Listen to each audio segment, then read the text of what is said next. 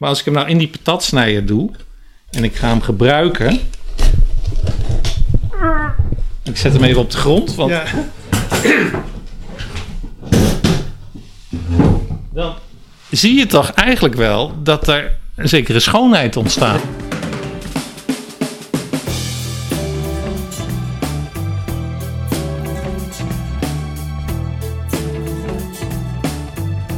Je luistert naar de podcast van Musework. Podcasts over het muzisch perspectief. Aflevering 7. Een muzisch perspectief op onderzoek. Met Daan Andriessen. Wat betekent het om jezelf op het spel te zetten in onderzoek? Wat gebeurt er wanneer orde en vervoering elkaar ontmoeten? En wat genereren gesneden aardappels en droogbloemen voor een onderzoekende geest? Henk Steenhuis en Bart van Rosmalen vervolgen hun gesprek over het muzisch perspectief.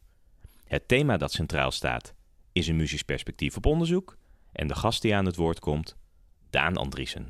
Bart, het is inmiddels een hele mooie middag geworden. Wie heb jij op deze middag meegenomen?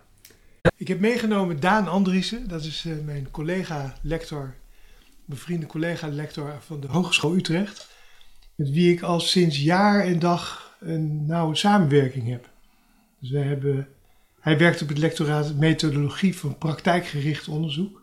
Dus weet veel ook van hoe je dat soorten van onderzoek moet doen. En samen hebben we eigenlijk vormgegeven aan de werkplaats muzisch onderzoek vanuit het lectoraat, wat ik bij Hogeschool voor de Kunsten Utrecht doe. Waar we elke keer dat snijvlak hebben opgezocht van eh, die praktijken, de kunsten. En hoe je daar met onderzoek stappen in kan zetten en praktijken kan versterken. Daan Andriessen. Mooi. Althans, dat denk ik. Want, want je moet me nog veel uitleggen. Ja, gebeurt Maar beginnen we gewoon bij heel praktijk, met de methodologie van praktijkgericht onderzoek. Ja. Wat stel ik mij daar precies bij voor? Dan moet je je voorstellen dat er een groepje enthousiaste onderzoekers is aan de Hogeschool Utrecht. En die vinden het leuk om onderzoek te doen naar onderzoek. En dat vinden ze echt heel leuk, dat klinkt misschien heel raar. Maar het onderzoeken zelf is ook een hele fascinerende eh, eh, eh, ja, activiteit. Dat, dat, je doet het eigenlijk van jongens af aan. Hè. Je ziet kinderen al onderzoeken, de wereld onderzoeken tegemoet treden. Dan op een gegeven moment ga je naar school en dan leer je het een beetje af. En sommige mensen die gaan dan eh, kiezen voor een carrière als onderzoeker en dan leren ze het zich weer aan, maar op een hele specifieke manier. En wat willen we nou met dat laatste, met dat wetenschappelijk onderzoek? We willen natuurlijk eigenlijk dat dat de praktijk verder helpt. En daar zit een hele grote kloof. En het is precies die kloof waar wij proberen een bijdrage aan te leveren. Door ook na te denken over andere vormen van onderzoek doen. Die zowel echt ja, goed onderzoek zijn, maar ook heel erg in die praktijk iets teweeg kunnen brengen. Kunnen we heel even kijken, wat is die kloof? Ja. Nou, wat ik zelf, ik ben eh, nu al, eh, nou ja, ik zit maar 30 jaar in het vak. Ik zou mezelf methodoloog noemen, met name in de sociale wetenschappen. En daar leer je eigenlijk om heel erg volgens de regeltjes het onderzoek te doen. Het moet grondig en valide en betrouwbaar. En er zijn hele kookboeken voor geschreven hoe je dat dan moet doen. En eh, wat ik eigenlijk steeds meer eh, merk is, als je op die manier onderzoek doet, dan heeft de praktijk er geen zak aan. Dan komt er misschien een mooie publicatie uit en statistieken. Maar wat kan die professional in de praktijk nou met die kennis? Dus dat is eigenlijk de kloof. Dat als je het heel grondig doet, dat je eigenlijk voor de praktijk eigenlijk niks in handen hebt. Dus je moet eigenlijk als onderzoeker in die praktijk gaan staan, in de modder van de praktijk. En dan kijken je weg in te vinden om daar dan wat onderzoek te doen. Nou, hoe je dat doet is eigenlijk de grote vraag van mijn lectoraat. En daar ga je nu heel kort en bondig een antwoord op geven. ja, was het maar zo. Kijk, een van de redenen dat ik eh, met Bart dat, eh, die werkplaats heb opgericht, is omdat ik zoek naar andere manieren van onderzoek. Ik wil onderzoek eigenlijk verrijken met andere perspectieven. Want als je het doet volgens dat kookboek, dan wordt het iets, iets klinisch, iets onpersoonlijks, iets afstandelijks. En dan kan je een mooi wetenschappelijk boek lezen, maar dat, dat heeft dat zoveel afstand. Dus we hebben samen eigenlijk al die jaren gezocht hoe je als het ware de menselijke maat weer in dat onderzoek krijgt. En ik vind er heel veel inspiratie in de, in de muze eigenlijk in. Zou je kunnen vertellen hoe die muze jou geïnspireerd heeft met het maken van ander onderzoek? Nou, het begint al met uh, de persoon van de onderzoeker. Dus uh, in traditioneel onderzoek moet je jezelf als onderzoeker wegcijferen. Je ziet ook als je een wetenschappelijke publicatie leest, dat is niet in de ik-vorm. Dat is in een leidende vorm. Dat, je mag eigenlijk niet weten wie de onderzoeker was. Want oh, die zou maar eens invloed kunnen hebben. Terwijl natuurlijk het mooie is van de kunst en de kunstenaar. Die zet zichzelf op het spel. Die stapt in die praktijk en die laat iets van zichzelf zien. Dus dat is al één iets moois volgens mij wat die onderzoeker kan doen. Die zegt, ja, ik ben ook een mens. Ik stap hier in de praktijk van, noem maar wat, hè, sociale werk in de gemeente Utrecht. Dat wil ik veranderen. En ik zet mezelf op het spel. Ik heb daar iets te vertellen. Ik breng mijn geschiedenis mee. Dus dat zijn al, ja, dat zou ik al wat muzische elementen zou je kunnen zeggen die je dan in dat onderzoek brengt. Heb je nog meer muzische elementen? Jazeker. Waar wij eh, heel erg mee geëxperimenteerd hebben, is de vorm waarin je die kennis dan vervolgens oplevert. Hè? Dus je doet onderzoek, je doet allerlei inzichten op. Traditioneel gaan we dat dan opschrijven en dan gaan anderen er streng naar kijken en dan mag je het misschien publiceren. En wij hebben in die werkplaats heel erg eh, ge- geëxperimenteerd met andere vormen van kennis overdragen. Tot zelfs dat je zou kunnen zeggen, misschien is een tekening of een schilderij of een toneelstuk of een gedicht Misschien is dat ook wel overdraagbare kennis. En dan wordt het voor mij heel erg spannend, hè? Want als ik voor een kunstwerk sta van Kandinsky of van Giacometti, heb ik daar dan kennis? Is dat dan nieuwe kennis? Het is vast resultaat van onderzoek, maar... Nou, en dat spanningsveld, dat zijn we erg aan het opzoeken geweest. En wat is de rol van taal daarbij? Ja, dat is een hele. Daar hebben we heel veel debatten ook over gehad in die vijf jaar. Je moet je voorstellen, ieder jaar hadden we dan zo'n werkplaats. En daar deden dan 15, 20, 25 professionals en kunstenaars, onderzoekers ehm, eh, aan mee. En het was op zich al een uitdaging om elkaar überhaupt een klein beetje te begrijpen. Eh, en daar gebruikte ik ook heel veel taal. Dus ik gebruikte heel veel taal om überhaupt uit te leggen hoe ik naar onderzoek keek. We waren werkplaats, muzisch onderzoek. Dus we pretendeerden met elkaar onderzoek te doen. Maar iedereen had daar hele verschillende beelden bij.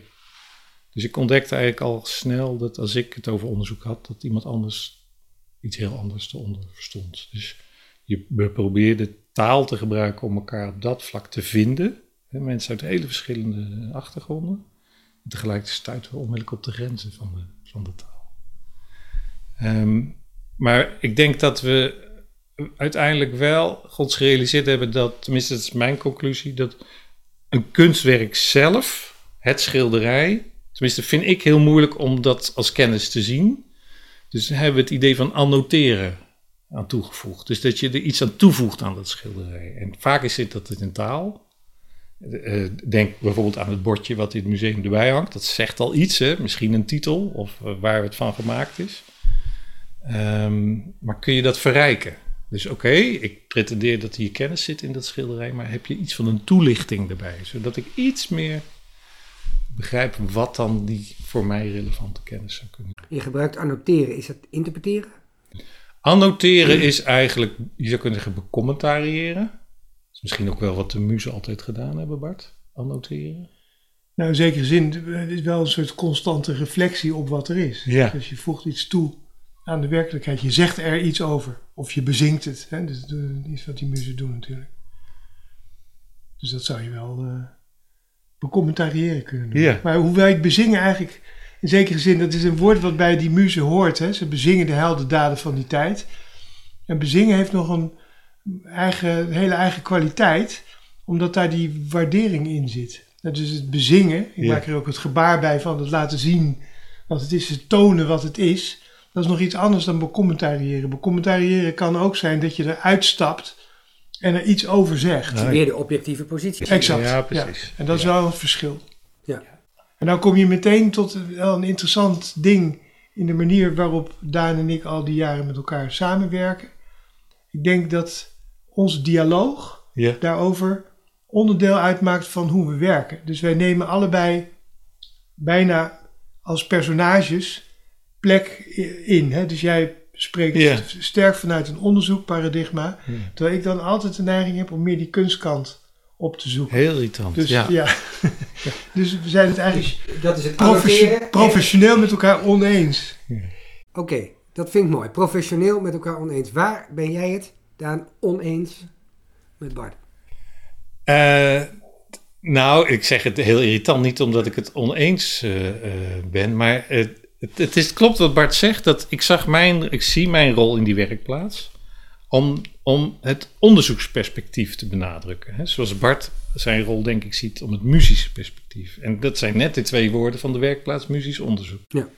Dus wat ik zelf altijd heel eh, spannend vond, vind in die werkplaats, is dat er zitten heel veel kunstenaars, zitten ook professionals, zitten ook onderzoekers. Je kan je voorstellen dat als je die drie bij elkaar zet, dat de, de kunstenaars die, willen, die gaan dan de lol maken. Hè? Dus het wordt ontzettend leuk. En we gaan heel gekke dingen doen. En dan de kunstenaars die, die, zoals ik ze dan in die werkplaats tegenkom, die hebben geen schaamtegevoel. Dus als iemand zegt, samen zullen we gaan dansen, dan gaan ze dansen. En dan zit ik daar en dan kijk ik een beetje naar die onderzoekers die ik had uitgenodigd. En die zitten daar dan toch een beetje schuchter naar te kijken. Dus uh, um, dan heb ik de neiging om in zo'n werkplaats echt even die, dat standpunt van die onderzoekers in te brengen. Met bijvoorbeeld de vraag te stellen: wat zijn we hier aan het doen? Dus ook in termen van: zit er iets van een methodiek achter? He, is er sprake van een methode? Dat vinden onderzoekers altijd belangrijk. Als je een methode hebt, dan kan je het nog een keer doen. en dan kan je ook iets zeggen over kwaliteit. langs de, uh, de stappen van de methode werken. Dat verhoogt de algemene kwaliteit. Dus, en daar botsen wij wel eens, want dan uh, probeer ik die methode te vangen. Dus ik heb in al die jaren uh, talloze pogingen gedaan. En dan komen we op de modellen waar ik dol op ben. Om wat we deden, of wat we doen als muzisch onderzoekers, om dat te vangen in, in een model. Um, want ik denk dat dat helpt. En dat presenteerde ik dan ook regelmatig. Waarom helpt dat?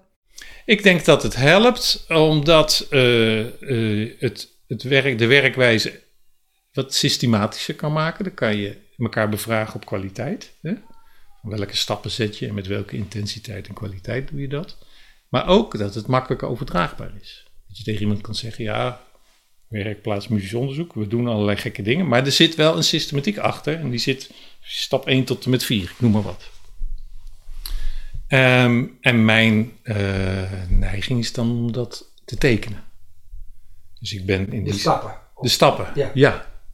Uh, dus uh, ik word ook wel eens de modellenman genoemd. Want dan kwam ik weer met een model. En dan zeg ik, volgens mij zijn we ongeveer dit aan het doen. En dan vier stappen met bolletjes en pijltjes, je kent het wel. Nou, dan gebeurde er eigenlijk altijd wel iets interessants als ik dat in zo'n groep... Want dan had je eigenlijk drie reacties. Je had de groep mensen die uh, van opluchting begonnen te zuchten van... Oh, zijn we dat aan het doen? Dat waren die wetenschappers. Die dat waren meestal die onderzoekers. Van, nou ja. begrijp ik het eindelijk. Ja, maar ja. ook de opmerking aan, nou kan ik er wat mee in mijn eigen praktijk. Want ik weet niet welke stap ik moet zetten. Dan had je de groep die waren dan wat onverschillig.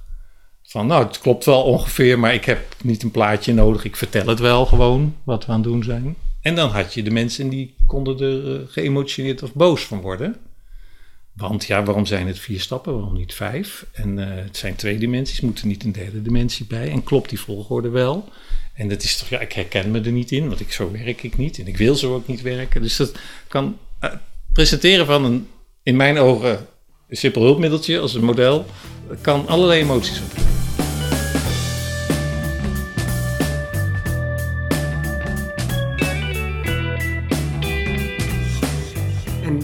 die emoties komen, denk ik, omdat de werelden botsen. Nou ja, dus ondertussen vind ik het leuk om die andere kant. Kijk, het is eigenlijk, zit ik ondertussen te denken, een, klassiek probleem. Dat om die werkelijkheid te proberen te vangen in een model. Dus als ik even terugga naar Plato in de staat. Dat is natuurlijk een beroemd geworden voorbeeld dat hij in zijn Politeia, de staat, eigenlijk de dichters eruit zet. Hè? Hij zegt die dichters horen niet in die opbouw van die samenleving, want die, hebben, die zijn door de muze bezeten, mania enzovoort. Daar kan je niet mee bouwen. Dat is dus, en bekend is natuurlijk ook altijd dat die baganten en zo, dat je hebt het dan over die feestvierende, die dansende kunstenaars enzovoort, alsof dat losgeslagen types zouden zijn. En later verzoent Plato zich er weer wel mee. In die, in die Phaedrus onderzoekt hij zelf eigenlijk de, de, de mania en, en de muze als een, als een heel belangrijk element om wel te integreren in zijn persoonlijk leven. Maar het is wel een zoektocht van wanneer is dat constructief en wanneer Ja, niet. ja. Dat is een dilemma. Ja. En ehm, ik vind het leuk om daarbij ook nog even het woord vervoering te noemen. Of het, of het woord extase. Hè? Dus het, het hele punt van de kunst is natuurlijk vaak dat je iets doet waarbij je eigenlijk niet precies weet waar het naartoe gaat. Dus jij laat je eigenlijk in zekere zin vervoeren naar iets anders toe. Je begint met een streep op een wit papier of je begint als je muziek maakt vanuit, als je improviseert vanuit een klank. Je weet eigenlijk niet waar je uitkomt. Dus dat in dat onbekende stappen en dat je laten vervoeren. Ik haal natuurlijk heel graag ook de rattenvanger van Hamelen aan.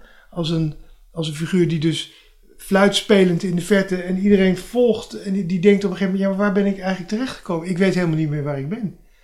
Dat zie je natuurlijk als je naar een concert gaat, gebeurt dat ook. Hè? Dus je, je zit daar, je denkt, ik ben nu in een totaal andere wereld gekomen. Eigenlijk doet die kunst dat. En dat is denk ik het spanningsveld met betrekking tot die modellen. Want die modellen die roepen jou in zekere zin weer terug, wat op zichzelf heel goed is om dat te doen.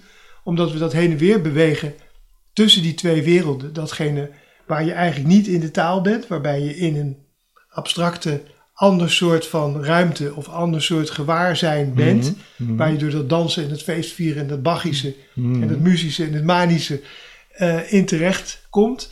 Versus de, de wereld waarin we natuurlijk ook proberen met elkaar iets te realiseren. Ja. Orde te scheppen. En dus heel veel hebben aan modellen. Maar dat is wel het spanningsveld waar je in, in zit. Want op het moment dat jij het model presenteert, dan is een deel van de mensen die is nog helemaal niet bezig om teruggeroepen te worden, zou ik maar even zeggen.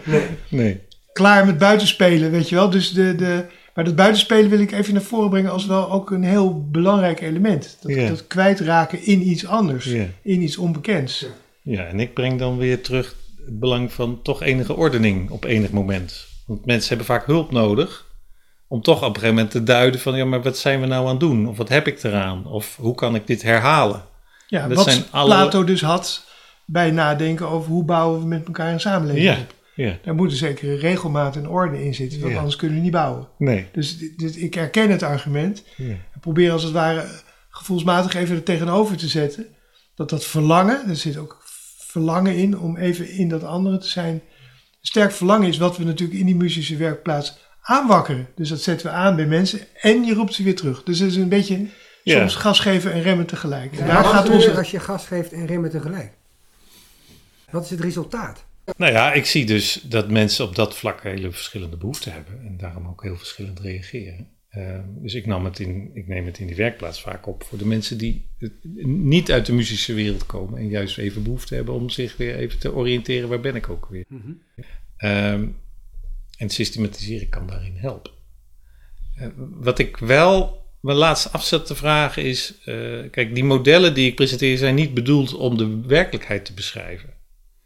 Maar die zijn eigenlijk ook weer generatief bedoeld. Dus, dus eh, ik, bijvoorbeeld een heel simpel modelletje wat we in de werkplaats gebruiken, is dat we zeggen: Oké, we zeggen tegen elkaar, we doen onderzoek. Nou, dat associëren we met kennisontwikkeling, hè? Dus, dus nieuwe kennis maken. Eh, maar je kan onderzoek ook heel andere manieren inzetten. Eh, Je kan ook onderzoek gebruiken om iets moois te maken. Dus zoals een kunstenaar doet. Of om een, een nieuwe behandelwijze te maken. Een andere vorm van maken. Je kan onderzoek ook gebruiken omdat het eigenlijk een heel leerzame activiteit is. Want het is een activiteit waarin je even een stapje terug doet, even nadenkt, even wat bronnen raadpleegt, is met elkaar goed overlegd, duidelijk even wat dingen analyseert. Dus het is ook een heel leerzaam eh, activiteit. En je kan het zelfs inzetten om in een organisatie bijvoorbeeld verandering op gang te brengen. Met elkaar eens even goed onderzoekend te kijken wat kan hier nou beter. Dus je hebt sowieso al vier doelen eh, om, om onderzoek te doen. Nou, dat is een heel simpel modelletje. Dat kan ik dan weer mooi tekenen in PowerPoint. Dat vind ik leuk. Dus een cirkel met vier bolletjes en pijltjes ertussen. Ehm, en zo'n eh, model, dat breng ik dan in in zo'n werkplaats. En dan eh, is de spanningsveld van hoe kan je die vervoering en dat modelleren nou combineren. Ik denk dat dat een paar keer heel goed gelukt is. En met name bij dit model is het gelukt omdat we dat op de grond gingen leggen en mensen gingen vragen om nou eens op die plekken te gaan staan. Heel even, dit model bedoel je? Dit model is dat model met de vier doelen. Ja, hè? Dus kennis, ontwikkeling, iets maken, iets veranderen of iets leren. Je legde dat op de grond? We legden dat op de grond. Grote platen, waar die woorden ook op stonden. Ja. Op verschillende plekken op de grond. Ja, en dan eh, vroegen we eigenlijk aan de onderzoekers: je bent nou met je onderzoek bezig. Ga eens op die verschillende plekken staan en ervaar eens even hoe het daar voelt. Is een soort eh, belichaming van het model. Nou, dat had hele verrassende effecten eigenlijk bij de deelnemers. Van eh, mensen die koud werden op de plek van kennisontwikkeling bijvoorbeeld. Die dachten van ja, dit is eigenlijk niet mijn plek. Ik wil dat niet. Hè? Ik ben vooral van de verandering, ik noem maar wat. Of mensen... Maar was het ook verrassend? Of kwamen juist de mensen daaruit? Nee, het interessante van dit, precies dit voorbeeld, is dat hier in die twee dingen bij elkaar komen. Omdat er in wezen een ordening is, namelijk die vier Ja. plakkaten die op de vloer liggen. Maar de benadering ervan is eentje die via het lichaam gaat en niet via het hoofd. Ja. Want de uitnodiging is om erop te gaan staan en te voelen wat er gebeurt. En van daaruit te spreken. Dus de twee omstanders, hè, je doet het in groepjes van drie, doorloop je het. Elke keer staat er iemand centraal die als het ware door dit vierluik heen loopt. In het midden staat je projecten, die vier dingen, die staan eromheen, die vier doelen. Je wordt daar doorheen geleid. En doordat je dat doet, ga je anders spreken dan tot nu toe. Dus je vindt nieuwe taal. Ja, Je zegt andere dingen. ja. en dat Heel is mijn verrassend. punt. Dan is het dus een generatief model. Het is niet dat ik claim dat dat de werkelijkheid beschrijft van je onderzoek. Maar het is niet, reduceert het niet. Nee, Integendeel, het wakkert iets het aan. wakkert iets aan. Ja. Ja. dus het is generatief in nieuwe ideeën, eh, eh, ja, gevoelens, eh, onbekende kanten die je nog niet had verkend eigenlijk. Ja, Ja, maar het wakkert het wel zo aan dat het te herhalen is.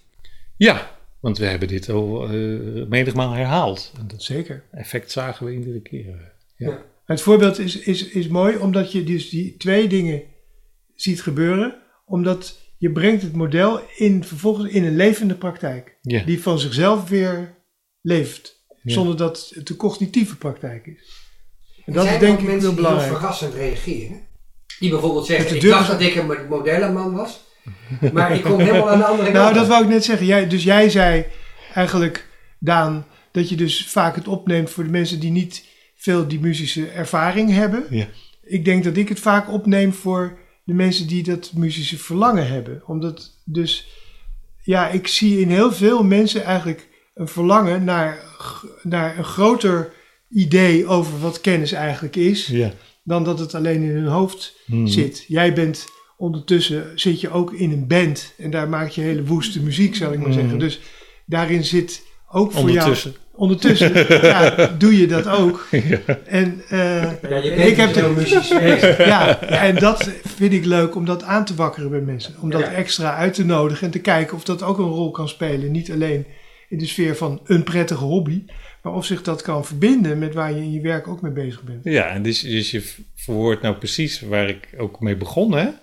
Dat verlangen om onderzoek, de activiteit onderzoek, te verrijken met dit soort elementen. Met de vervoering, Ja. met jezelf op het spel zetten, eh, eh, met impact. Want een, een Ja. mooie voorstelling kan een gigantische impact hebben. Veel meer dan het lezen van een wetenschappelijk artikel. Dat is eigenlijk al die tijd mijn missie geweest in die werk.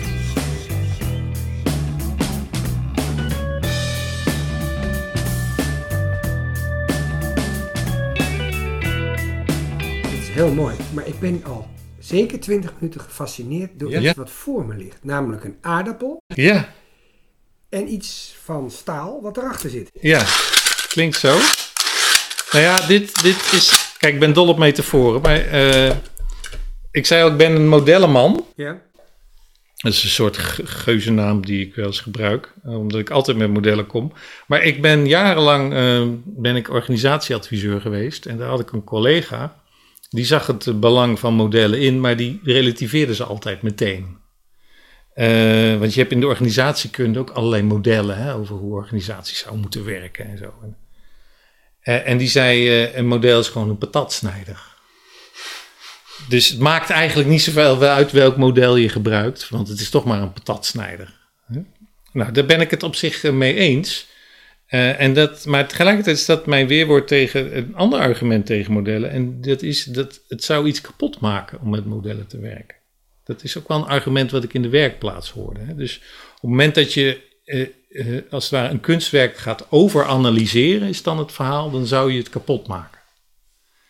Nou, ik heb er zo mijn twijfels bij. Ik moet het eerste kunstwerk nog zien dat kapot is doordat het eh, geanal- overgeanalyseerd is. Dus ik geloof er niet zo in. En, en met een patatsnijden kan je juist zien dat er een, een hele mooie nieuwe werkelijkheid ontstaat als je een model gebruikt. Je ziet nieuwe dingen. Want ik heb hier nou een, een redelijk bescheiden aardappel. We zien eigenlijk alleen maar eh, de buitenkant. Hè. Er zitten wat pukkeltjes op. Maar als ik hem nou in die patatsnijer doe en ik ga hem gebruiken.